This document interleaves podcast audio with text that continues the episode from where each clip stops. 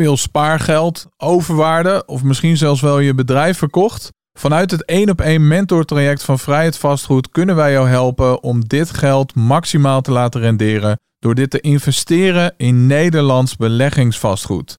Tijdens het 1 op 1 traject ga jij in slechts een paar maanden tijd met je eigen mentor minimaal één beleggingspand aankopen. Wil jij meer informatie ontvangen over dit 1 op 1 begeleidingstraject? Stuur dan nu een e-mail naar info@vrijheidvastgoed.nl en dan spreken we je snel.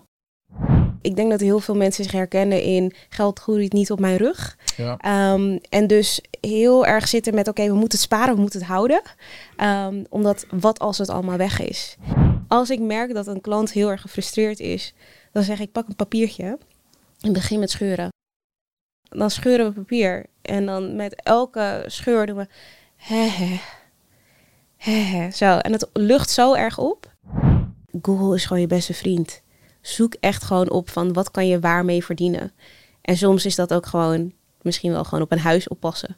Er zijn genoeg mensen die huis, huis zitten en geld verdienen. Terwijl ze gewoon zitten in een huis. Ik ga ook nog gewoon naar een springkussenfestival. En, eh, Springkussenfestival? ja, een springkussenfestival. Oké. Ja, hartstikke leuk. Waarom niet?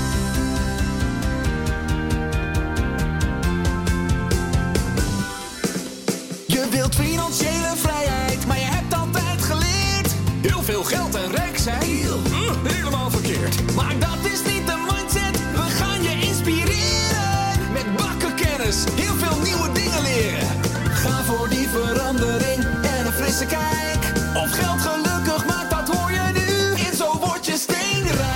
Ja, het is tijd. Het is tijd voor een nieuwe aflevering van Zo Word Je Steenrijk. En als jij een trouwe luisteraar bent van deze podcast, dan weet je onderhand dat wij het niet alleen over steenrijk in financiële zin hebben. Dat het niet alleen gaat over vastgoed of over beleggen, maar dat we ook heel veel andere onderwerpen hier in de podcast eh, aansnijden. Zodat jij steenrijk kan worden in de allerbreedste zin van het woord. En vandaag ga ik dat doen met een bijzondere gast die ik wel op een van onze vrijheid vastgoed evenementen heb leren kennen. Omdat ze meegenomen werd door iemand eh, anders. Ze heeft eh, kinderen met een rugzakje geleerd over geld op de Money School. En ze helpt vrouwen om vaker te falen. We gaan het vandaag hebben over het imposter syndroom. Eh, ze verdient momenteel 200 euro per uur. Ik wil graag weten hoe zij dat doet. En ze heeft onderzoek gedaan hoe vrouwen topfuncties kunnen krijgen. Ik heb het over mijn gast van vandaag, Aisha Noël. Ik hoop dat ik het goed uitspreek. Ja, je spreekt het super uit. Fijn, welkom. Ja, dank je dat ik hier mag zijn. Ja, het Ja? heeft even wat, eh, wat voeten in de aarde het, gehad. heeft, eh, het heeft bijna een jaar geduurd. eh, Ja, maar, eh, maar nou, we zijn er. we zijn er. Ja, want ik heb je toen nou ja, leren kennen op een van onze evenementen waar jij meegenomen werd door een van onze cursisten en ook een eerdere podcastgast, Michelle Germans. Klopt. Die heeft ook haar bijzondere verhaal hier in de podcast verteld. Ja. En jij vertelde wat jij deed en ik eh, was eh, ja, geïntrigeerd. Ik dacht, eh, vind je het leuk om ook op het bankje plaats te nemen? Ja. En gelukkig zei je ja. Het duurde alleen even voordat we de agenda's op elkaar konden, konden afstemmen. ja. Ja. Heb je al eh, wat eh, podcasts van ons geluisterd? Even heel eerlijk of eh, eigenlijk, eigenlijk niet? Ja, nou, jawel. jawel. Ik heb een paar doorheen gereisd. Niet allemaal, zeker niet. Ik, ik vraag het om hè, of je de openingsvraag aanvoelt komen of jij steenrijk bent. Nou, ik zou zeggen nee. Ik, ik zie steenrijk als in panden, overvloed aan panden of iets in stenen. Dat heb ik niet. Ehm, maar ik heb wel het gevoel dat ik mentaal, fysiek rijk ben. En ook sociaal. Dus op verschillende gebieden ben ik rijk, maar niet steenrijk. Nee, oké. dus je trekt, ja, de meeste trekken toch wel naar het, eh, naar het financiële toe. Ja. Maar die andere vlakken zijn ook, eh, nou ja, ik denk toch wel belangrijker in het, eh, in het leven. Ja. Waar kom je, kom je vandaan? Kan je ons een beetje meenemen naar jouw achtergrond? In wat voor een omgeving ben je opgegroeid, ook op financieel vlak? Nou, ik kom uit een eh, heel warm gezin. Eh, Ja. Mijn ouders waren beide harde werkers. Dus mijn vader, ik, ik werd opgegroeid met een vader die dan zeven dagen in de week werkte. Eh, mijn moeder die vier dagen in de week werkte. En dan nog altijd zorgde dat het huis schoon was. We eten op tafel hadden om zes uur. Ehm, en ook nog leuke dingen met mij deed op woensdag. Dus ehm, ik kom eigenlijk dus uit een gezin waarbij hard werken, dat was het motto. En ehm, genieten, dat was mondjesmaat. En ben begonnen dus daardoor om mijn twaalfde met werken. Omdat ik zelf dacht, ik wil eigenlijk mijn ouders niet om geld vragen. Uh, omdat ik daar ook een beetje schuldig om voelde. Omdat ik dacht, ik zie jullie al zo hard werken. Ik durf daar bijna niet te vragen om meer. Um, en ik wilde eigenlijk, in, dat, in die zin dacht ik van, oké, ik ga dat ook zorgen. Ik ga hun ontzorgen en ik ga voor mezelf zorgen. Ja, uiteindelijk uh, vind ik dat allemaal larikoek. En denk ik, ik heb helemaal geen zin om hard te werken. Ik wil gewoon genieten. En ik denk dat er een andere manier is om geld te verdienen. Dat inzicht, dat heb je uh, later uh, gekregen. Want op dat ja. moment toen je... Was het echt toen je, toen je 12 was dat je, nou ja, goed, je, je ouders daarin wilde ontzorgen? Of, of, en dat je dat niet durfde te vragen? Of was het meer, um, nou ja, goed, dat je uh, het voorbeeld kreeg van uh, ja, hard werken, dat is de norm en de standaard, dus laat ik dat ook maar gaan doen? Ik denk dat het een combinatie is van beide.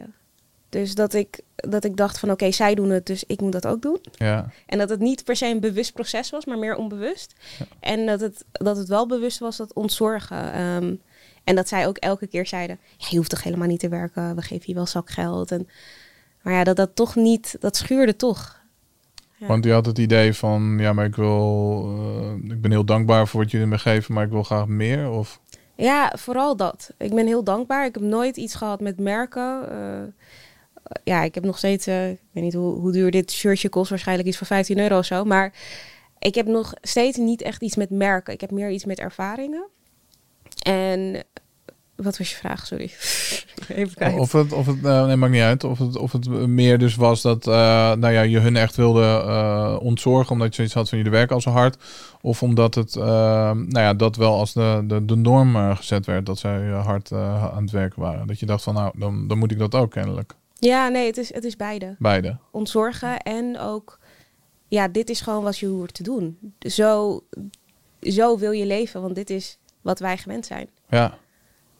En je gaf ook aan uh, dat je ouders een beetje een uh, schaarste mindset uh, hadden. Ik moest er wel om lachen, want ik heb wel eens met mijn compagnon Dennis daar... ik gebruik die term ook wel eens bij sommige mensen. En hij vindt dat dan... ja, moest daar om lachen of vond het apart. Hij zei, ja, dat kan je niet...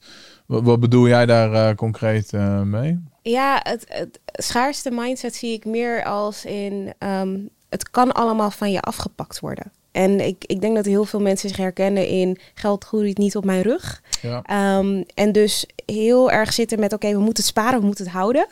Um, omdat wat als het allemaal weg is? En daarbij maak je dus allemaal beslissingen in je leven waardoor je uh, krampachtig met geld omgaat. Dus wat ik merkte dan is dat wij bijvoorbeeld wel op vakantie gingen. Elk jaar gingen we wel op vakantie. Dus dat was ook echt wel een luxe, all-inclusive en alles. Maar dan, wij gingen nooit naar een terrasje of... Uh, ja, we gingen ook niet uit eten, want dat is te duur. Of naar een bioscoop, dat vond mijn vader ook altijd te veel geld. Je hebt toch een tv thuis? Dus het was um, aan de ene kant was het zo een ding van, ja, we werken heel hard voor geld. Maar aan de andere kant, we geven het eigenlijk ook heel weinig uit. Ja. Uh, om ervan te genieten. Ja. Dus dat was een beetje krom in mijn hoofd. Ja. En dat vind ik ook een schaarse mindset. Ik denk een overvloed mindset is, ik kan het uitgeven en het komt wel weer naar binnen. Het Ja. komt wel weer bij Misschien mij. ook een veelvoud. Ja, Ja. En ik zie geld ook als een, een, een energie die in beweging moet zijn en moet stromen. Precies. Precies. Ja, je, je moet lachen, want we hadden het uh, voordat we de opname begonnen over Ja. een stukje spiritualiteit en energie. En ik zei van ja, goed, alles is, eh, is, is energie. Maar ja, ik geloof daar wel heel erg in. Dat, uh, ja, het is met alles in het leven. Of dat nou denk ik een relatie is of geld. Als jij dat heel krampachtig gaat vasthouden, dan geloof ik erin dat dat nou ja, van je af gaat. Dat het door je handen glipt. Ja, klopt. Zie jij dat ook, ook zo? Ja, dat zie ik zeker zo. Ik denk um, juist, ik denk dat daar een, een, stukje wanhoop in zit. En bij alles waar je wanhopig naar, naar wilt, daar, daar ga je bepaalde scheuren en littekens van krijgen die je niet wilt. Dus uh, ja, ik, ik geloof daar zeker in dat je, als je iets echt wil, laat het los. En dan komt het wel naar je toe. Ja. Klinkt heel vaag, maar ja, daar geloof ik wel in. Hey, en uh, dan ben je 12 en dan ga je werken. Dat is nou ja, vrij jong. Uh, Ja. Tenminste, ik weet niet uh, hoe hard je ging werken en wat voor een baantje. Ik heb ook wel vanaf mijn twaalfde krantenwijken gelopen en dat soort dingen. Maar Nou, wat, wat ik- deed je? Wat was je eerste baantje? Nou, ik eh, werkte zwart ehm, bij Kalverstraat. Die, eh, die winkel die bestaat niet meer. En ik werkte dan ehm, van tien tot zeven eh, elk weekend. Dus eh, zaterdag en zondag werkte ik dan. En dat, ja, ik verdiende toen 1,80 euro per uur. 1,80 euro per uur. 1,80 euro per uur. En uiteindelijk, heel interessant ook erbij, ben ik niet alles, is niet alles uitbetaald. Dus ik heb nog moeten rennen voor die 1,80 euro per uur. Ehm, waarbij ze uiteindelijk zeiden van, ja, weet je, we kunnen de laatste twee maanden niet betalen. Ehm, dus ja, dat was ook wel voor mij een hele grote les van... Ten eerste, contracten zijn heel belangrijk.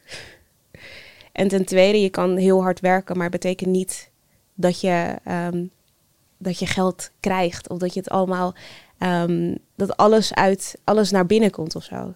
Dus ik had eerst het gevoel van hard werken, resultaat, altijd geld of ehm, een bepaalde beloning. maar het leven is soms gewoon heel oneerlijk. Zeker. ja. En zelfs goede mensen, goede mensen, eh, krijgen dan deze momenten of deze ervaringen waarbij ze oneerlijke behandeling krijgen. Iedereen krijgt dat. En iedereen krijgt deze lessen. Wat is jouw definitie van een goed mens? Ja, Even precies, een- precies. Iedereen heeft goede en slechte kanten. Dus er bestaat niet eens een goed mens, eigenlijk. Maar eigenlijk heb je dus al op hele jonge leeftijd daarmee wel een hele belangrijke ervaring gehad of inzicht gehad van. eh, terwijl je van je ouders als voorbeeld kreeg van je hard werken is de oplossing. eh, door dat baantje bijvoorbeeld. eh, zag je van nee, ja, goed, dat, dat is eigenlijk niet eh, Nee. de weg. Ben je toen op zoek gegaan naar een andere manier? Ehm, Wanneer is dat inzicht echt gekomen? nee, ik, ik heb eigenlijk... Voor mij, het duurde heel lang. Dus het, het, ik, ik denk dat het iets van... Ja, ik denk vier- 13 jaar duurde voordat ik het besefte van... hé, hey, hard werken is niet de oplossing. Ehm, ik heb daarbij ook lang gedacht... Dus je bedoelt tot je 25 niet tot je 13. Ja, tot mijn 25e dacht ik echt, ik moet hard werken. En ik heb ook vanaf, vanaf mijn 17e begon ik ook met vrijwilligerswerk. Dus eigenlijk, mijn leven bestond uit werken en school. En ik merkte op mijn 25ste, toen had ik dus heel veel. Toen had ik, nou, ik werd, was verloofd, ik kreeg een huis in Amsterdam, Ehm, ik had een leuke baan. Ehm, maar ik was zo Niet meer bij een kledingwinkel voor 1,80 per Nee, niet meer bij een kledingwinkel voor- voor 1,80. Ik werkte toen als projectleider, maar ik voelde me zo leeg. Ehm, en ik dacht, ja, waar, waar doe ik dit allemaal voor? Niks wat ik doe voelt, voelt alsof ik ervan kan genieten. Ik kon al deze mijlpalen niet internaliseren. En ehm, ja, dat heeft uiteindelijk gezorgd voor wat ik nu doe.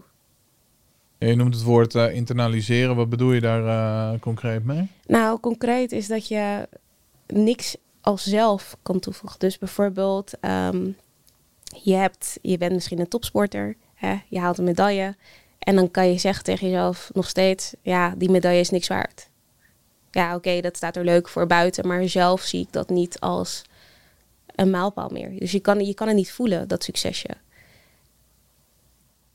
Dus eigenlijk ongeacht wat je ooit eh, zou bereiken, ben je nooit eh, tevreden. Zeg ik Nooit dat goed? tevreden, Of inderdaad. Nooit tevreden. je blijft altijd een iets. eh, Naar iets als je een record haalt, dan moet het, ben je alweer bezig met hoe je je eigen nieuwe record kan verbeteren. Of, Precies, ja. ja. en, en was dat iets wat je al eerder merkte bij, eh, bij jezelf? Want dat was dus, nou ja, als je dat zo noemt, mooie baan, verloofd, droomhuis in, in Amsterdam. Veel mensen denken, waar kan ik, eh, waar kan ik tekenen? ja. Ehm, maar je was niet happy. Was je ook depressief? Of? Ja, ja, ik was ook depressief. Eh, op dat moment, weet je, als je dat op een gegeven moment, als je, en, en daar kom ik weer terug op dat imposter syndrome, dat je je niet goed genoeg voelt, ehm, dan, dan heb je al deze dingen, maar dan van binnen denk je, ik, ik- ja, het is helemaal leeg. Dus je kan er niet van genieten. Ik at ook bijvoorbeeld niet. Dus je, het gaat op een gegeven moment ga je jezelf van, van binnen ook verwoesten. En dat merkte ik dat er ging gebeuren. Het is een bepaalde vorm van, eh, want je zegt van ik kom weer terug op het eh, imposter eh, syndroom. En volgens mij hadden we het nog niet erover Ja. gehad. Maar, ehm, hè, want, want wat is, is, is dat precies? Hoe zou je de definitie daarvan geven van het imposter syndroom? Nou, het is een psychologisch patroon waarbij jij consistent, dat je, consistent denkt dat je niet goed genoeg bent. Ehm, terwijl je wel de bewijzen hebt dat je capabel bent. Dus bijvoorbeeld, je hebt wat ik net zei, een goede baan, je hebt een diploma, je hebt een goed inkomen, je hebt een leuke partner. Ehm, Je studeert cum laude af. ja, eh, precies. Maar al dat soort dingetjes kan je niet internaliseren. Dus je kan er niet van genieten. Je kan het niet zien als succes. Want ja, dat komt door geluk. Want ehm, iemand anders heeft me geholpen. Maar dit was nog maar mijn 60%. Dus je bent het eigenlijk consistent aan het verkleinen. En ehm imposter syndroom, waardoor je het goed kan kenmerken, is de vraag: wie ben ik om dit te doen? Wie ben ik om dit te krijgen? Ehm, ja, je ziet jezelf eigenlijk als niet capabel, terwijl je dat wel bent.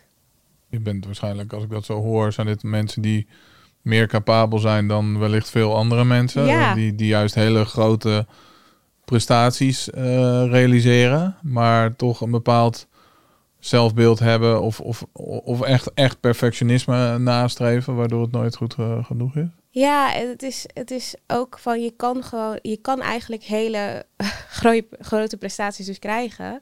Ehm, het is meer dat je op dat punt staat en denkt, iemand anders kon hier misschien beter staan dan ik. En dat vind ik altijd interessant met mensen die dan imposter syndroom ervaren tussen mensen die eigenlijk heel veel, die eigenlijk echt imposters zijn, echte oplichters. Hè? Want imposter syndroom is gewoon oplichtersyndroom.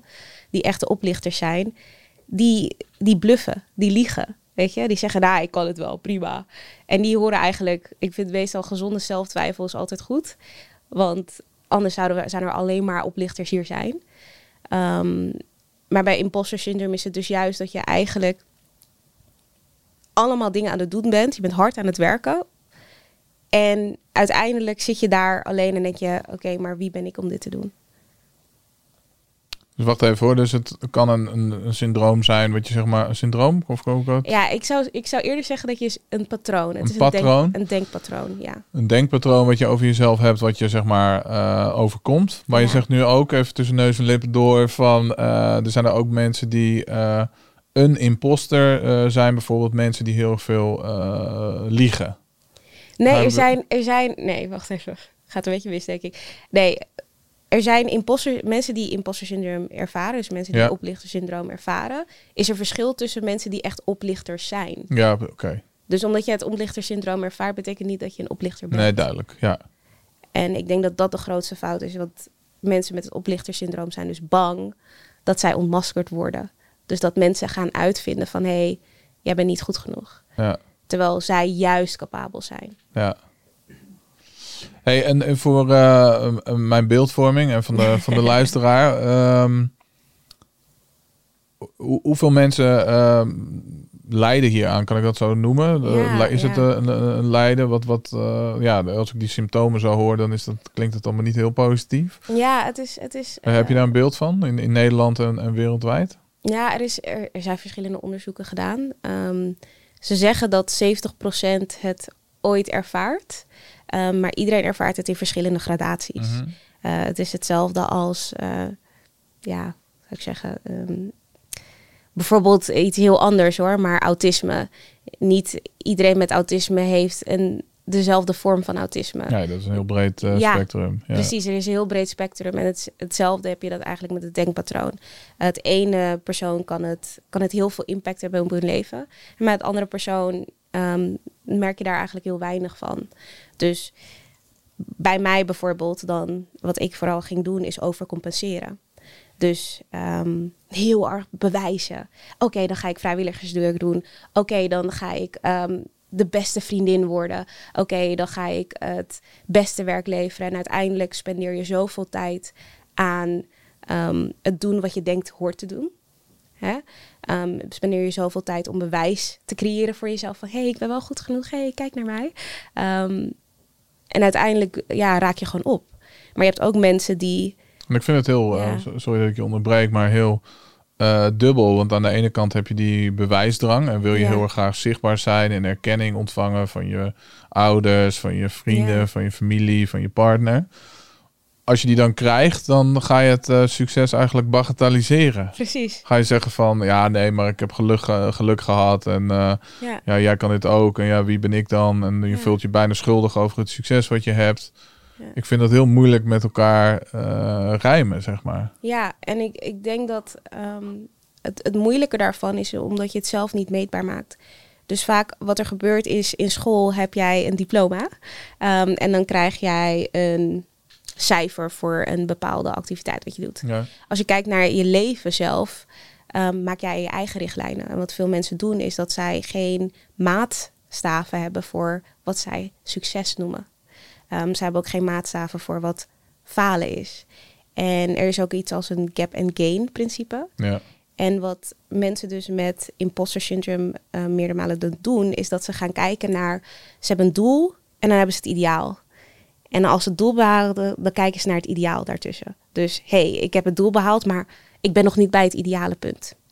Dus het doel is altijd lager dan het ideaal. Ja, Of meestal. meestal. Maar wat mensen, waar je eigenlijk wilt heen gaan, is waar je was en het doel. Dus wat je dus hebt bereikt daarin.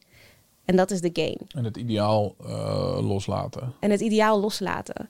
Want het punt is, is dat wij, wij zijn allemaal mensen. Wij, wij zullen nooit eh, het, perfecte, het perfecte zijn worden. En dat is ook, als dat je doel is, dan wordt het een soort red race waarbij je nooit eruit komt. Nee. Ehm, terwijl wanneer je die kleine stappen maakt en kleine doelen maakt die meetbaar zijn, bijvoorbeeld. ehm, voor mij is goed genoeg wanneer ik een leuk gesprek heb bij deze podcast. Ja. Weet je, in plaats van wanneer ik geen foutjes maak of wanneer ik helemaal eh, me niet stotter of zo. Dan denk ik, ja, tuurlijk Nou ga ik of eh, iets. menselijkheid en dus, dus fouten maken of verspreking in deze podcast. Of Precies. is dat niet juist perfectie, kan je dan afvragen? Zit de perfectie hem niet vaak in de imperfectie? Ja. Hmm. nou, dat is, ja, misschien. Ja. Ik denk, ik denk dat het gewoon het, het belangrijkste voor mij was dat ik eh, perfectie uit mijn vocabulaire haalde. Ehm, en dat ook niet van mezelf verwachten, maar ook niet van anderen. Want dat gebeurt er ook. Ehm, wanneer jij heel erg een hoge maatstaven voor jezelf hebt, Mhm. dan leg jij dat ook op anderen. Ja. En ehm, dan kom je eigenlijk in een continue staat van teleurstelling. Want ja, ik doe al 100% mijn best, dus die ander moet dat ook doen. ja, dus dan zou je eigenlijk ook nooit eh, een perfecte partner vinden. Niet omdat ze er niet zijn, maar omdat ze gewoon niet aan jouw plaatje eh, voldoen of aan een vriendschap. Of, Ja, ja, en dat wordt gewoon, dat wordt gewoon een, een leven waarbij je, ja, daar, daar heb je helemaal geen plezier aan. Het is gewoon een soort sleur. Hey, je hebt dat toen eh, geconstateerd op een gegeven moment. Van, Ja. nou, jij was gewoon eh, heel erg eh, ongelukkig, lijkt mij, met Ja. een, een, een depressie. En, en hoe ben jij, dan heb je zelf die diagnose gesteld op basis van wat je iets op internet gevonden hebt? Of hoe is dat? ben je bij een dokter geweest en die zei van, eh, nou, je hebt het imposter syndroom. Nou, ik heb eigenlijk, ik heb eerst een onderzoek gedaan naar hoe vrouwen een topfunctie kunnen, gebruiken, kunnen bereiken door psychologische strategieën. En daar kwam dus het obstakel imposter syndroom uit. Dus toen ik dat allemaal doorhad, dat die vrouwen allemaal in topfunctie waren, in het bestuur, dokters, eh, advocaten. En dat zij nog steeds dachten van, hé, hey, waarom ben ik hier? Ik ben niet goed genoeg, ik moet nog harder werken. Ehm, toen dacht ik al van, hé, hey, dit klinkt heel bekend. toen ben ik daar meer over gaan lezen. Maar het drong me toch nog niet door van, ik heb hierbij hulp bij nodig, eigenlijk. Ehm, en toen uiteindelijk ik dus echt letterlijk had waar ik echt naar wenste. Toen besefte ik van, ik ben echt ongelukkig, ja. En toen ben ik gewoon hulp gaan eh, vragen. Ik ben echt, ik heb mezelf plat gegooid met eh, therapeuten en eh, coaches en boeken gelezen. En ja, toen uiteindelijk besefte ik van, oké, nou ja, nu ben ik er klaar voor om er echt nog verder mee te werken. En ja, Noem eens wat dingen die jou dan geholpen hebben om dat eigenlijk ja, om er vanaf te komen of om dat los te, te laten. Ja, ik had eerst, voor mij was het eerst wat belangrijk om een menselijke spiegel te hebben. Ehm, dus iemand die echt me letterlijk vroeg, oké, maar is dit wat je zegt, hè? Van, eh, oké, ik hoor eh, het perfecte vriendin bijvoorbeeld te zijn. Maar wat, wat houdt dat allemaal in? Wanneer is, dat, wanneer, wanneer is dat dan die perfecte vriendin? En dan zei ik allemaal dingen en dacht ik, op een gegeven moment, ja, dit is echt larikoek. Dus ik had het echt nodig om een klankbord te, te, te hebben. En uiteindelijk ben ik iets gaan beginnen wat ehm, het present board heet. Dat heb ik zelf eh, verzonnen. En dat is, je hebt een vision board waar je alles zet wat Ja. je heel tof vindt om Ja. het te bereiken. En dit is een, nog een keer Een het- present board. Dus, een het, present board. dus van het heden. Van het nu, het van heden. het ja. nu, een nu-board. Ja. Ehm, en wat ik daarbij zet zijn allemaal foto's van waar ik nu in zit. Wat ik allemaal eigenlijk al heb gedaan. En als je daarnaar kijkt, besef je van... hé, hey, al deze kleine dingen die ik heb gedaan... Dat is, dat, uiteindelijk is dat iets groots. En voor mij bepaalde dingen als... Toen der tijd, ik kon... Ja, ik bleef gewoon maar in bed liggen. En dus maakte ik een foto van... Dat heb ik naar niemand toegestuurd hoor. Dit was voor mijzelf. Maakte ik een foto van dat ik een gordijn had opengemaakt. En dat was al zo'n grote stap. En als ik nu terugkijk naar dat het gordijn open doen en dat zonlicht binnenkomen, dat dat zo'n impact voor mij had op dat moment. Hm.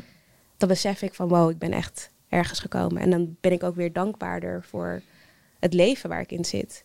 Want het punt is, is dat uiteindelijk wil je je leven leiden voor jezelf.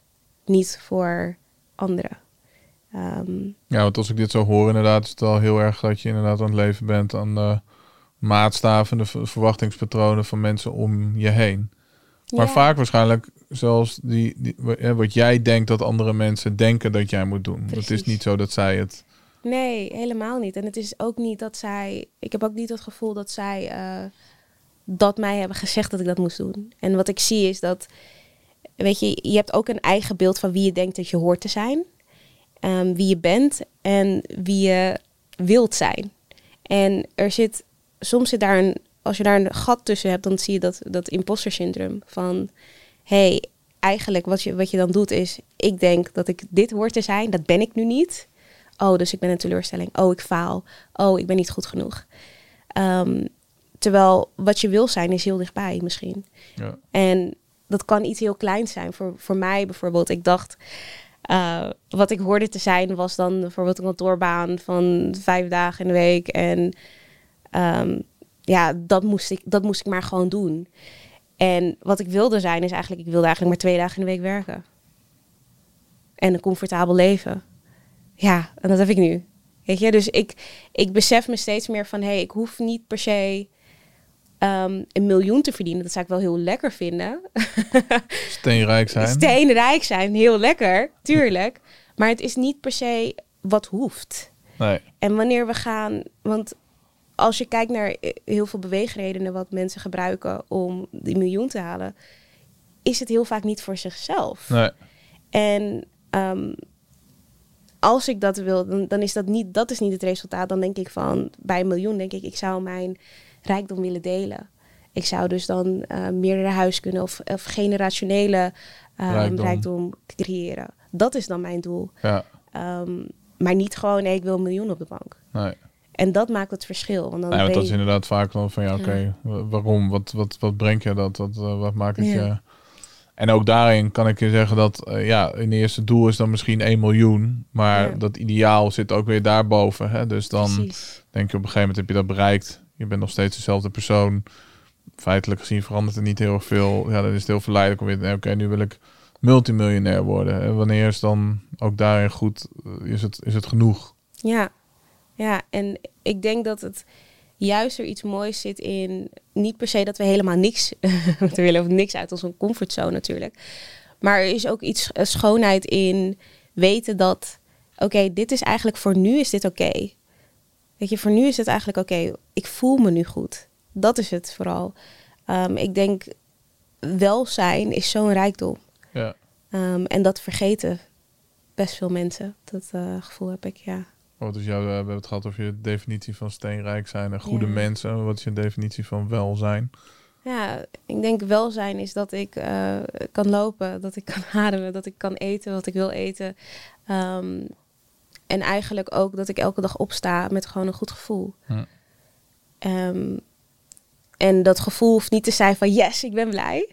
Maar meer van hey, ik mag gewoon nog een dag leven. Ja. Ja, die dankbaarheid eh, erva- ervaar je echt elke dag als je Ja. opstaat. Ja. Ja, nou soms eh, sta ik op met denk ik, oh, fuck, moet ik weer opstaan? maar daarna denk ik wel van oké, ik mag opstaan. Ja. En dat is het punt. Ik mag ja. ervaren. Ja. En je zegt ook hè, dat, eh, nou ja, dat imposter syndroom, dat het belangrijk is om daarbij te, te weten wat de relatie daarmee is met het najagen van je, van je dromen. Kan je daar wat meer over vertellen? Ja, ehm, oh, sorry. Ehm, ik, wat, ik, wat ik merk is dat je hebt, je hebt twee, twee vormen van hoe het, hoe het gaat. Dus ik was de overcompensatie. Hè? Ik ga dan harder werken. ehm, ik ging extra bewijzen van, hé, hey, ik mag er zijn. Met imposter syndrome. En dus zo mijn dromen najagen. Ehm, maar je hebt ook mensen, en dat zijn voornamelijk mijn klanten waar ik mee werk, is dat ze zelf denken, oh, het komt dichtbij. Ik durf dit eigenlijk niet aan te gaan. Want wat als ik die droom heb en uiteindelijk is het toch niks. En uiteindelijk is het toch niet genoeg. Dus wat zij doen is het uitstellen. Ik kan een voorbeeld nemen van vastgoed. Daar zit, eh, daar zit jij lekker in. Ehm, Dan krijg je pro- procrastination. ja, dat goed? dat Ja. je uitstelt. Eh, uitstelgedrag, ja. Uitstelgedrag. Dus dan heb je bijvoorbeeld dat je denkt, ja, ik ga wel naar die evenementen. Ik ga Ja. wel naar de netwerkbijeenkomsten. Ehm, maar dan ga je er niet over praten. Dan ga je, wanneer het komt, dan ga je denken, nee, ik ga het toch maar niet doen, want ik ben eigenlijk niet echt een vastgoedbelegger.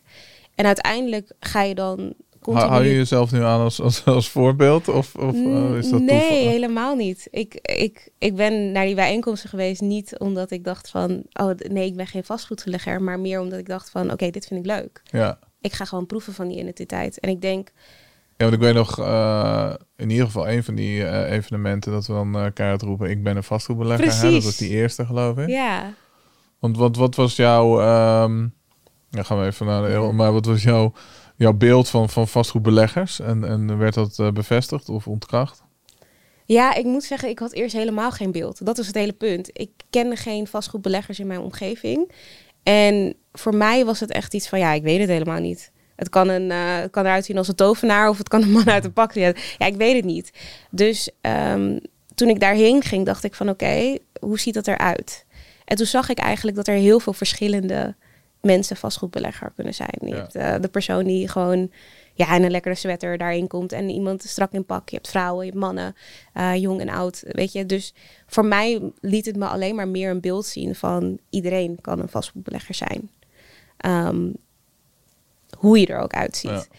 Ehm, ik denk dat het die associatie met ik ben een vastgoedbelegger, dat vind ik zo leuk. Omdat je uiteindelijk vaker herhaalt van dit is mogelijk voor mij. Ja. Ehm, ja, omdat het eigenlijk ook een, een eh, affirmatie Het is ook een affirmatie, Want ik weet dat jij er toen nog een story Ja. over eh, gemaakt had. Ja. Ja, klopt. Ik hou ook echt van affirmaties. Ik denk dat woorden heel veel impact hebben op je leven. En ehm, als jij een geloof hebt, bijvoorbeeld bij imposter syndrome, is het dus ik ben niet goed genoeg. Dan ga je continu op zoek naar bewijs dat jij niet goed genoeg bent. Dus ehm, als jij dus een compliment krijgt, nogmaals, dan ga je vragen naar oké, maar wat ging er niet goed? Ja. Hè? En als jij dus denkt van hé, hey, ik ben geen vastgoedbelegger, ja, dan ga je er dus niet met mensen over praten. Of dan ga je naar die meetings heen en ga je denken, nou, wat een, wat een rotzak allemaal.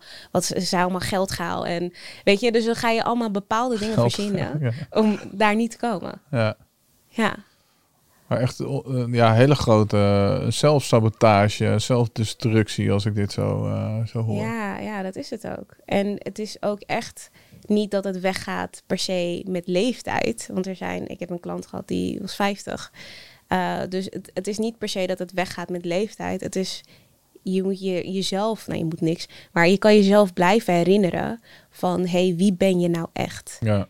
In plaats van wie hoor ik te zijn. En dat is het, dat is het grootste gat. Wie hoor ik te zijn? En hoe kom je erachter? Eh, dat zijn echt wel vragen van ja, wie ben ik nou, eh, wie ben ik nou echt? Ja, ik denk dat het, Veel mensen koppelen altijd natuurlijk wie ze zijn aan ik ben nou, een naam, ik ben een, een, een vader, een, een, een echtgenoot, ik ben een onder, ondernemer. Ja, is dat echt jouw identiteit? Is dat ook wie je echt, eh, wie je echt bent? Ik denk dat, dat ja, identiteit is zoiets groots, weet je. Ehm, We hebben maar- de tijd. Ja, we hebben inderdaad de tijd. Maar ik denk dat het het voornaamste is, is het is oké om ook een vader te zijn, een ondernemer en verschillende dingen daarin. Ehm, maar het is voornamelijk goed om jezelf te blijven testen van jouw identiteit. Dus ik denk dat het belangrijkste is om naar buitenwereld te gaan, naar buitenwereld, naar buitenland te gaan, ehm, met andere mensen omringen die niet zo denken als jou, omdat je continu eigenlijk beseft van een stukje van je identiteit kan jij nog niet kennen. Dus ik geloof ook niet dat jij ehm 100% altijd kan weten wie jij bent, omdat bij elke situatie word jij weer opnieuw getest. Mhm. Jouw identiteit wordt opnieuw getest. Eh, bijvoorbeeld nu met vastgoed waarschijnlijk, was een hele andere ehm, Martijn vooraf. Voor die, ik weet niet, zeven jaar, voor zeven jaar? Zeven jaar ben je hiermee bezig, toch? Met vastgoed beleggen? Ja. Nee, pas eh, sinds juni 2018. Dus dat Oh, is wauw. eh, iets meer dan, eh, dan vier jaar. Ja, maar voor die vier jaar was Maar ook daarin ga je nu Ja. weer een andere vastgoedmarkt in dan vier jaar geleden. Weet je? Dus dat verandert ook weer. Dus is- daarin word, ik ook, ja, word je ook getest en moet je ook daarin mee eh, veranderen, ja, of, of niet. Maar Ja. Ja. Ja. dus en ik denk dat ehm, ik vind het zo zonde wanneer mensen zich vastklampen aan één ding. Van ja, ik ben, ik ben een, een vader, dus ik hoor me zo te gedragen. Nee. Eh, ik ga ook nog gewoon naar een springkussenfestival. En, eh, Springkussenfestival? ja, springkussenfestival. Oké. Ja, hartstikke leuk. Waarom niet? Nee, dat geloof ik. Ja, maar dat vind ik ook zo tof dat je, nou ja, ook bijvoorbeeld naar zo'n vastgoedbeleggers-event of naar een, springkussenfestival. Ja, ik denk, ik vind dat allemaal zo onzin wanneer... Om in een hokje ergens ja, wanneer je, ja, en het is, kijk, het is, het is handig om een hokje af en toe te hebben. Dus ik zeg niet, gebruik nooit hokjes. Maar voor jezelf, hè, probeer het uit te testen. En ehm, ja, ik ga dus binnenkort ga ik dan een maand weg eh, naar het buitenland en dan naar Costa Rica. Ja, dat is hartstikke eng voor mij. Eh, eerste keer, eh, ja, een maand weg verder weg, dat is hartstikke eng voor mij. Maar ik moet voelen en zien wat voor, wat voor dingen ga ik dan van mezelf ontmoeten? En wat ga je daar doen? Eh, mijn vriendin gaat daar trouwen, toevallig. Oké. en ik ga daar gewoon rondreizen en klimmen, denk ik. Ik heb hoogtevrees, maar dat is ook iets. Mhm. Denk ik van ja, hoogtevrees, dat hoort niet bij mijn identiteit. Ik ga dat even testen. Ja, Dus ja, ja. mooi. Dus dat zijn eh, nou, mooie... Hey, en, en ondertussen, ja, je hebt niet alleen zelf die inzicht eh, gehad, maar je helpt dus nu ook andere mensen die dit eh, imposter syndroom eh, hebben om, om hiermee eh, mee om te gaan, toch? Of om hier Ja. vanaf te komen. Of... Ja, klopt. Ik, eh, ik heb nu zes maanden trajecten wat ik doe. Omdat, ja, dit patroon, dat zit Het is al... niet iets wat je in zes eh, uur of zes dagen Nee. eh, door, eh, doorbreekt. Nee, zeker niet. Ik bedoel, je, je denkt al, wat, misschien twintig jaar denk je al dat je niet goed genoeg bent. En doe je al de hele tijd kleine stapjes om dat te bewijzen dat je dus niet goed genoeg bent. En dat leer je gewoon niet inderdaad af in zes uurtjes. Dus dat vergt tijd, dat vergt eh, vaker falen dus. Eh, fouten maken, zichtbaar zijn. Dus jezelf laten zien, wat ik ook doe in zo'n sessie. Eh, dan heb ik een klant en die vindt het heel eng om zichzelf als ondernemer te zien. Nou, dan zeg ik, pak je telefoon en je gaat gewoon een filmpje maken en je zegt, ik ben ondernemer. En dan zie je alles daar tegenin gaan. Ja, maar, maar, maar moeder ziet dit. En, eh, maar, maar ik heb nog deze baan. Ik zeg, ja, je kan het ook weer verwijderen. Wa- waarom, waarom doet dit zo pijn? Waarom schuurt dit zo? En dan zo ga je steeds meer verder naar van... hé, hey, oké, eigenlijk, het maakt helemaal niet uit. Dit is gewoon prima om te doen. Ja. Ja, want dat Ja. zijn een aantal dingen waar jij eh, veel op, eh, op focust. Hè? Die, die visibility, zichtbaarheid. Eh, grappig dat je dit noemt, want wij doen dit soort dingen ook inderdaad in onze community. Dat nieuwe mensen eh, live moeten gaan in onze community. Ja. Nou, we vinden dat doodeng. En eh Ja. zeggen, ja, dat is ook precies de reden dat we graag willen dat je dit doet. Ja, Eh, maar ook ja, het stukje entrepreneurship, ondernemerschap, maar en, en, en fun, plezier en energie. Dus dat een beetje de, nou ja, de, de, de pijlers waar je op focust. De, ja, zeker. En ik denk, het grootste deel zit op, zit op plezier. Ehm, en ik- ja, want wanneer je plezier weghaalt, dan wordt het gewoon een sleur. Dan komt er zoveel tegenzin. Ehm, vandaar dat ik, ik denk dat plezier een van de belangrijkste dingen is die ik erin toevoeg. Ja. Maar ja, jij zou ook wel eens eh, een dag hebben, dat zei je net ook, hè, dat het even niet eh, wat, wat minder gaat of dat je wat minder post. Hoe breng je op dat soort dagen dan toch die plezier erin? Ehm, ik denk dat, dat ik mijzelf ook de toestemming geef om slechte dagen te hebben. Dus daarin is het niet per se dat ik elke dag happy de peppy hoef te zijn. Daar gaat het helemaal niet om. Het gaat erom dat je de vijf minuutjes neemt van... oké, weet je wat, dansen vind ik eigenlijk heel erg leuk. Nou, dan zet Met chocola, toch? Met chocola, inderdaad. En dan, ja, of dan eet ik een stukje chocola. Dat geeft mij al plezier. Of dan, dan dans ik die vijf minuten. Weet je, we hebben allemaal van die kleine dingetjes die ons toch een genietmomentje op een dag kunnen geven. Ja. toch een genietmomentje. Op, Ja, zoals een eh, slokje water, hè? Ja, dat is ook een genietmomentje. Ja. Ja. Maar ehm, kan jij jezelf daarmee echt programmeren? Dat je denkt van nou, nu ga ik even eh, die plezier even creëren. En dat kan ik doen bijvoorbeeld door even vijf minuten nu te, gaan dansen. Ja, ja. Dat je dan in een andere state eh, daardoor ook komt. Ja, ja, ik denk dat als jij, als jij heel lang op zoek gaat naar, naar de sleur en er alleen weer in blijft, dan ga je het moeilijk vinden. Maar wat ik heb, is dat ik gewoon echt een lijst heb met allemaal dingen die ik leuk vind. Eh, bepaalde dingen vind ik ook leuk. Scheuren van papier bijvoorbeeld.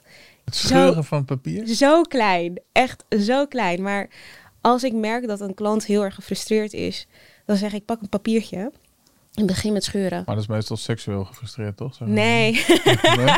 ook financieel. Oh. ja, nee, maar ja, dan, dan, eh, dan scheuren we papier. En dan met elke scheur doen we...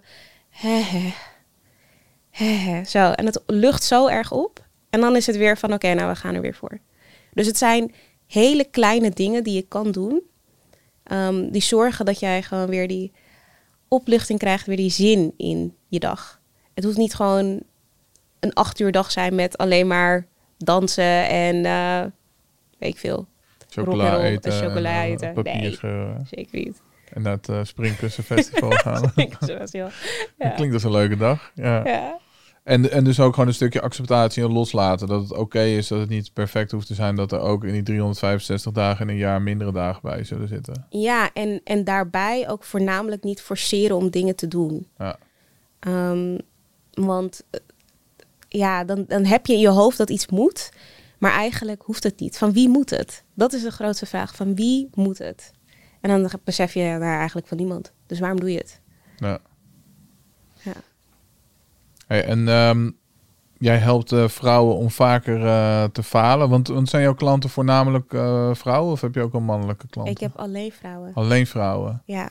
Is dat dan omdat dit meer bij vrouwen speelt dan bij mannen? Of is dat omdat je zelf een, een, een vrouw bent? Dat, en dat zie je wel vaker natuurlijk. Dat eh, als je nou ja, 40-jarige coach bent, dat je wat meer 40-jarige of rond die leeftijd aantrekt. Of, Ja, Hoe nee. het, dat? eh, ik, ik coach voornamelijk vrouwen, ook omdat ja, mijn onderzoek was naar vrouwen. Eh, ik ben zelf een vrouw. Het is niet per se dat vrouwen het veel meer ervaren. Volgens mij er was een onderzoek dat ongeveer 55% van de vrouwen het ervaren van die 70% dan weer. Ehm, maar ja, daar heb ik gewoon, ja, daar heb ik nu mijn werkervaring mee gedaan en dat doe ik het meeste. Ik heb wel workshops gegeven aan mannen. maar En stel, ik heb het ja. eh, imposter eh, syndroom en Ja. ik kom bij jou, dan eh, zeg je van nee, dan moet je maar Ja, één op één zeker niet. een, een- mannelijke coach vinden of iemand anders die dat al. eh, Nou, ik denk, ik denk dat je daar niet per se een man voor nodig hebt. Het is gewoon dat ik dat niet doe. Dus je zou wel een workshop bij me kunnen volgen. Maar één op één is het toch wel een andere manier van werken, denk ik. Ja. En ehm, hoe, hoe stimuleer je de vrouwen dan eh, daarin om vaker te, te falen? Ja, om, om eigenlijk stapsgewijs samen te falen. Dus ehm, samen fouten maken. Dus bijvoorbeeld een e-mail, die, die, die help ik jou dan gewoon gelijk op te sturen. Oh shit, je hebt dit er nog niet bijgevoegd. Oké, we sturen het nu op. Soms typ ik het zelf uit en stuur ik het op. Dus het is, we doen het samen. We zijn er samen in. Dus je En bewust allemaal spelfouten erin te maken. Stiekem. Nee, maar ehm, door het samen te doen, wordt al dat falen veel minder eng. Want het is gewoon iets wat je kan delen. En uiteindelijk merk je ook, wat ik ook doe, is zichtbaarheid helpt bij falen. Want je merkt, wat wij, wat wij zelf zien als een fout of falen, ehm, in het begin, dat tien jaar geleden, is niet hetzelfde als nu. Nu denken we, ja, dan ga je de- terugdenken op die fout. denk je, oh ja, ik heb het naam ver- verkeerd gespeld. Ja. Oh ja, ik heb gestotterd. Oh ja, dat, dat, daar ga je zo overheen. Maar in het moment zelf is het het engste wat er is. ja. Ik wil graag nog heel even een stukje hebben over, die, eh, over het vrijwilligerswerk ook. Wat je eh, gedaan hebt bij eh, de Money School. Eh, wa- waar was dat en hoe ben je daar eh, terecht eh, gekomen? Ja, dat was in eh, Amsterdam, Amsterdam-Oost. En ik ben daar, dat is nu alweer vier jaar terug. Ja, ik heb dat gedaan omdat ik eigenlijk... eh, Elk jaar wil ik vrijwilligerswerk doen. Dat vind ik belangrijk om iets te doen waarbij ehm, ik zingeving krijg gewoon voor het doen. voor, voor het geven. Ik denk dat geven, weggeven, heel veel zingeving eh, brengt. En dan ga ik natuurlijk vragen: ja, doe je het echt voor jezelf of doe je omdat het, eh, je denkt dat het verwacht wordt dat het goed is om vrijwilligerswerk te doen? Nee, het voelt gewoon goed. Ja, het, hetzelfde als, ja, sommige mensen zeggen, ja, ik geef een uh, zwerver een euro. Ja, dat doe je voor de ander. Dat doe je ook gedeeltelijk voor jezelf. Geeft gewoon een goed gevoel om iemand te kunnen helpen. Ehm, en dat vrijwilligerswerk deed ik dus um, omdat ik dacht, ja, ik vind geld heel interessant. Eigenlijk uh, zou ik hier iedereen over willen educaten. Dan kom ik weer met mijn Engels. Um, en dus toen, toen had, ik, uh, had ik een facturen gezien. dacht, nou ja, ik ga er gewoon op reageren. En ja, toen uh, zat ik daar elke week uh, op zo'n buurthuis met allemaal van die snotkinderen te vertellen over geld en wat de waarde is van geld en um, wat het nou eigenlijk kost om, uh, om een leuke, dure sweater te, te kopen. Hoeveel tijd zit daar eigenlijk in? En dat was zo interessant, want die kinderen komen daar eigenlijk en die denken: Oh, moet ik dan in de appie staan en 3 euro per uur verdienen en dan heb ik die sweater pas over twee weken werk? Weet je, dan, komt, dan, dan beseffen ze van een hele andere mindset over wat geld is en wat waarde is en wat je ervoor terugkrijgt. Dus het ja. uh, was iets heel leuks. Dus de, doe je dat nog steeds trouwens? Of was nee, dat, uh, ik ben er nu mee gestopt. Je bent ermee gestopt. Ja. Maar de Money School was dus uh, binnen een... Bedrijf, het bestaat nog steeds. Echt een, ja? Ja, het is een, het is een, het is een stichting, ja. Super mooi. Om de, is dat echt een lokaal initiatief of is het onderdeel van iets internationaals? Iets, het is een lokaal groters? initiatief. Ja. Ja. Um, ja, ik vond het een mooi dat je zei, hè, ik was, uh, toen ik 12 was, uh, verdiende ik uh, 1,80 per uur. En nu zit ik op 200 euro per uur. Ja. Hoe, um, ja, hoe, hoe voelt dat? hoe is dat? Ja, het voelt een beetje gek, want ik werk nu eigenlijk ongeveer evenveel als toen. Want ik, ik werkte toen 18 uur per week en nu doe ik ongeveer hetzelfde. Um, aan de ene kant voelt dat goed. Maar aan de andere kant brengt dat me elke keer, grond dat me elke keer. Dat grond me gewoon elke keer om te beseffen van hé, hey, ik hoef helemaal niet zo hard te werken.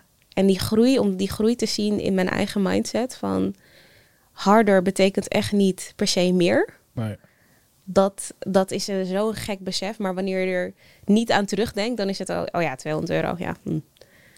ja ik weet niet ik, ik, weet, ik ken mensen die veel meer verdienen dan ik natuurlijk. Ja. Mij verdien jij veel meer dan ik.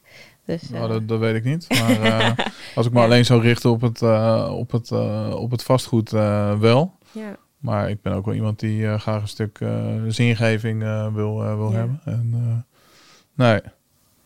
Maar wat, wat zijn daarin... Um, wat is daarin een, een les die je misschien mee kan geven ook aan andere mensen die toch nog steeds in dat zitten van als ik meer wil verdienen, dan zou ik uh, harder moeten werken. Terwijl jij dus eigenlijk zegt en ook het levende bewijs bent dat je ook veel meer kan verdienen in veel minder tijd.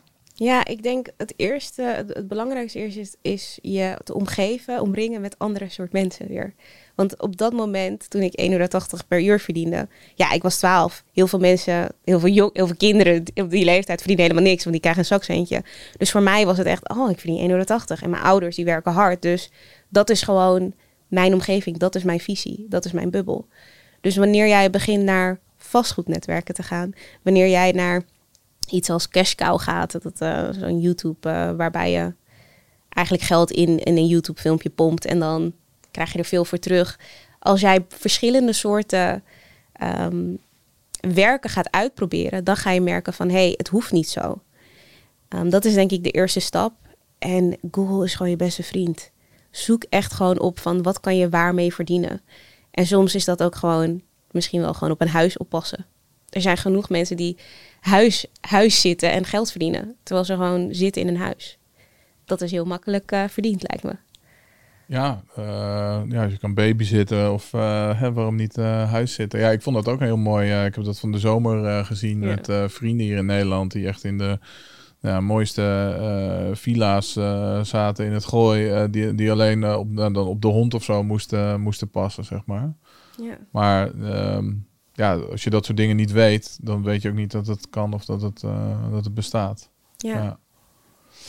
ja. Um, Hey, nog, ehm, je, je had het over eh, een, een, eh, een, een special eh, sauce dat eh, mensen dat eh, hebben. Hoe kom je daarachter als, als eh, ja, wat, jou, eh, wat iemand zijn special sauce eh, is voor, je, voor jezelf? Ja, ik, ik denk als eerste is ja, zelf nagaan van, van wat vind je eigenlijk leuk? Wat vind je leuk om te doen? Wat doe je eigenlijk dagelijks? Waarvan mensen zeggen, oh, wow, dat is wel tof. Of dat doe je ook echt heel goed. En voor mij was dat bijvoorbeeld... Ja, ik, ja we hadden het net over energie. Ja. Mijn, mijn business coach, wat zij tegen mij zei... Weet je wat jouw verkooptechniek is? Jouw energie. Ik zeg, nou, wat is dat voor larikoek? Hoe bedoel je energie? Ja, gewoon eh, jouw energie. Dat is gewoon... eh, dat trekt mensen aan. Ja. En toen ben ik eigenlijk vaker daarover gaan praten. Toevallig wel. Vaker gaan praten over, ja, ehm, verhoog je energie. Of ehm, als, jij, als jij mensen bij je wilt trekken, dan heb je de unapologetic energy. En de unapologetic energy is dat jij gewoon dingen vraagt. Dat jij gewoon lekker danst en scheid hebt of je op de ritme danst of niet. Ehm, dat jij gewoon naar bepaalde dingen gaat die helemaal niet bij je passen. Ik weet niet, misschien ga je wel larpen. I don't know, past helemaal niet bij je. Maar ga erheen en kijk naar wat, wat die mensen bij jou brengen. En dat heb ik ook dan weer bij mijn klanten gedaan. En dan merk je ook van, oh wow. Wat zij terugbrengen is, weet je Aisha, je hebt echt hele toffe energie. Dus zij beginnen als mij te praten, omdat ik al zo praat. Dus ik denk, jouw special sauce vind jij echt door ehm, eerst zelf te toesten. Eerst ook naar jezelf in te trekken van, oké, wat vind ik leuk om te doen? Ehm, mensen benaderen en vragen, oké, wat valt je op bij mij?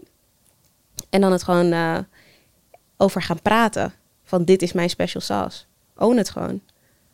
Eh, En het misschien ook een beetje uit, eh, te, uitvergroten, hetzelfde over te, te hebben. En, Ja. inderdaad te claimen. Ja, te claimen. Ik bedoel, Van, eh, eigenlijk, dat is van mij. Weet je, zo, op die manier. Ja. Of?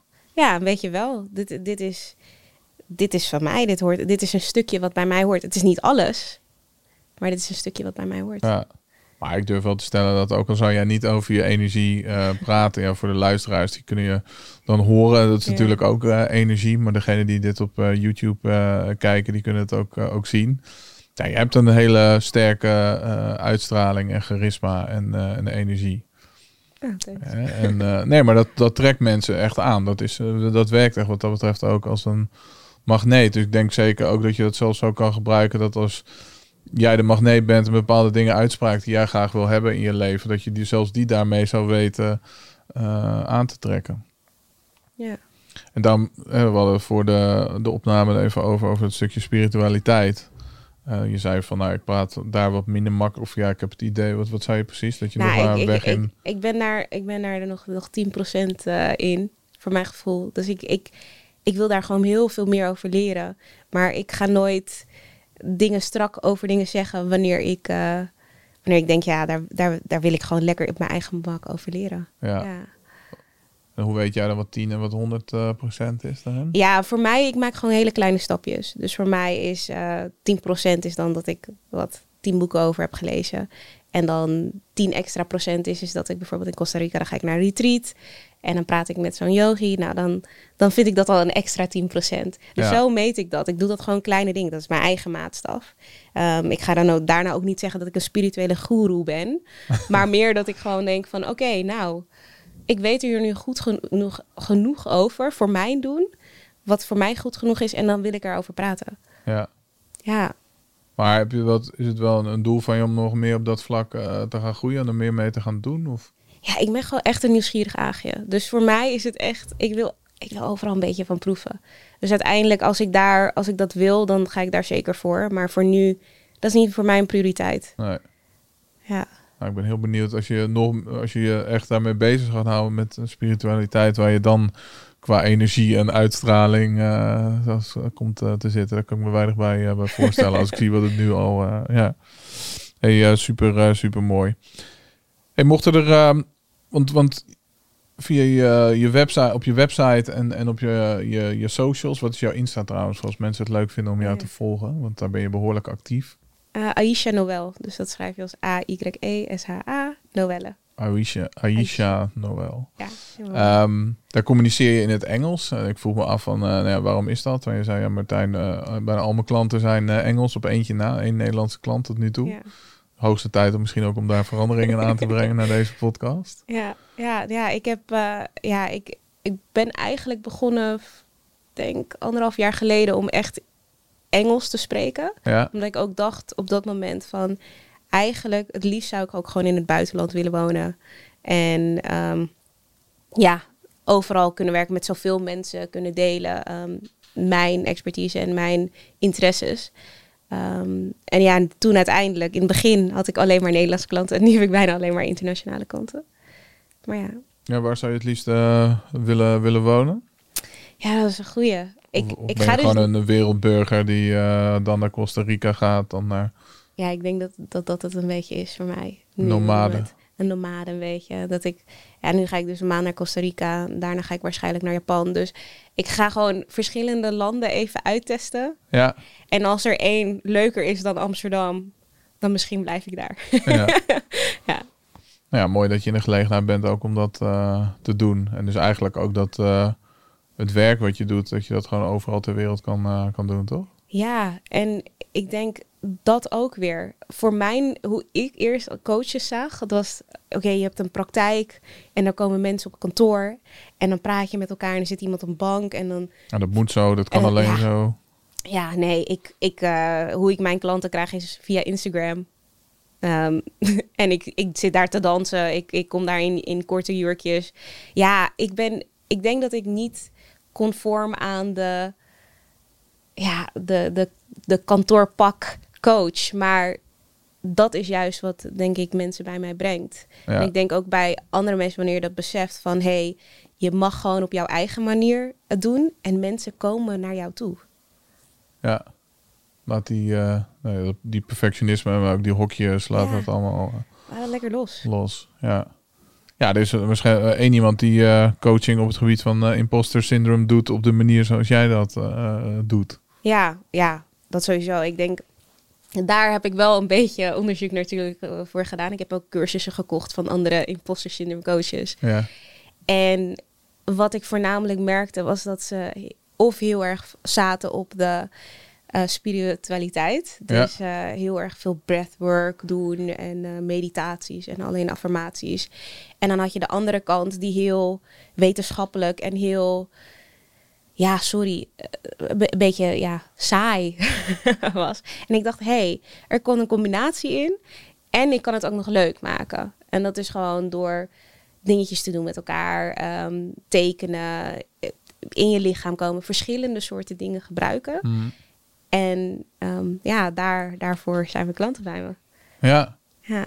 Hey, en als er nou eh, vrouwen aan het luisteren zijn en die eh, denken nou, zich te herkennen in wat jij omschreven eh, hebt en denken van, nou ja goed, misschien heb ik dat syndroom ook. Ehm, wat raad je hun aan om, om, om te, te doen en hoe zou jij hun eventueel kunnen, kunnen helpen? Ehm, Hoe ziet Wat- dat zes maanden traject er bijvoorbeeld uit? Ah, oké. Dus eh, nou ja, wat wij doen in die zes maanden is... Eerst wij, wij, maken, wij maken succes en falen tot een meetpunt. Dus we gaan alles meten. Mhm. Dus jij bepaalt, oké, wanneer is dit een succes, wanneer is dat fout en welke stapjes maak je daarbij. Ehm, wat wij dan samen gaan doen is praten. Ik ga heel veel luisteren en je gaat ook veel doen. Dus je gaat inderdaad je telefoon pakken wanneer jij bijvoorbeeld live wilt gaan. Ehm, als jij bijvoorbeeld voor vastgoed wil gaan, dan komt er een moment dat ja, jij echt op pad moet gaan. En dan zit ik misschien in jouw, coaching, in jouw coachingzak. Dan kan ik dat ook telefonisch doen. En dan gaan wij samen gewoon dat doen. Dus het belangrijkste is wat ik dus met jou doe, is één, zichtbaarheid. Ehm, zorgen dat jij ook echt fouten maakt, maar in een veilige plek. En drie is dat wij echt leuke opdrachten gaan doen om jou te helpen en te herkennen dat jij eigenlijk goed genoeg bent. Dus dat stukje plezier. Dat is een Ja. plezier. Ja.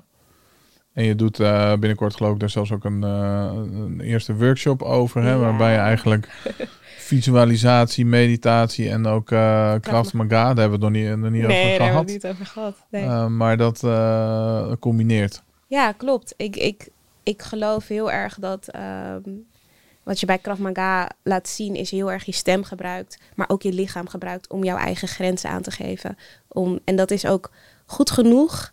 Ik denk dat daar ook grenzen aan zitten. Ehm, en, en die ben je continu aan het ja, proberen te doorbreken. Je probeert patronen te doorbreken. Dus dat doe ik zelf. Ik doe nu al een jaar Krav Maga. Ehm, en dat gaan we dus samen doen met vrouwen. We gaan er lekker visualiseren, kijken naar wat je wilt. En niet wat hoort, maar wat jij wilt. En tot rust komen. Mooi. Ja. Hey, tot slot, je hebt ook nog een e-book eh, Ja. geschreven. Klopt. Wat staat daar eh, precies in? Wat kunnen mensen daarin vinden? Ja, het is een e-book wat je echt in 10 minuten lekker uitkrijgt. Dus eh Kijk, daar houden mensen van ja, tegenwoordig. Lekker kort, Ja. lekker snel. Ehm, er staat duidelijk in wat imposter syndroom is. Welke symptomen je hebt. ehm, je kan hebben als je imposter syndroom hebt. Ehm dat gap and gain principe staat er ook in. En ook van, oké, ik voel me een, als een imposter op werk. Wat nu? Ik voel me als een imposter in mijn relatie. Wat nu? Dus daar zitten echt praktische tips in die jij zelf kan gebruiken. Hoe je daarmee om kan, eh, Ja. kan gaan. Ja. Waardevol. Dankjewel daarvoor dat je dat beschikbaar wil stellen voor onze eh, luisteraars. Zo word je steenrijk.nl schuine streep AN hadden we gezegd hè? Ja. Aisha Noël AN. Eh, daar kan je dat eh, gratis downloaden als je je naam en eh, e-mail achterlaat. En dan kan je ook meer informatie ontvangen, bijvoorbeeld over het zes maanden traject. Wat is de naam daar, daarvan? Unapologetic me. Oké. dat ga je maar niet herhalen. Nee, nee. ja, dus dat. Ja. Hey Aisha, dankjewel voor je tijd en het eh, delen van jouw verhaal en alle informatie over het eh, imposter syndroom en nog veel meer. Ja, dankjewel dat ik hier mag zijn. Super. En jullie weer heel erg bedankt eh, voor het kijken, bedankt voor het luisteren en heel erg graag tot de volgende aflevering.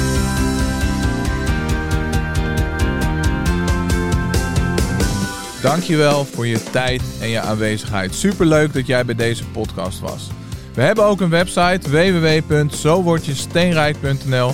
Daar kan je alle oude afleveringen terugvinden en terugluisteren. Je kan je abonneren op onze nieuwsbrief en daarmee krijg je heel erg veel waardevolle financiële tips. En we hebben heel erg veel speciale acties en kortingen met onze gasten. En welke Nederlander houdt er nou niet van korting? Vergeet natuurlijk niet om je te abonneren op deze podcast. En dan zien we je heel erg graag weer volgende week bij een nieuwe aflevering van Zo word je steenrijk.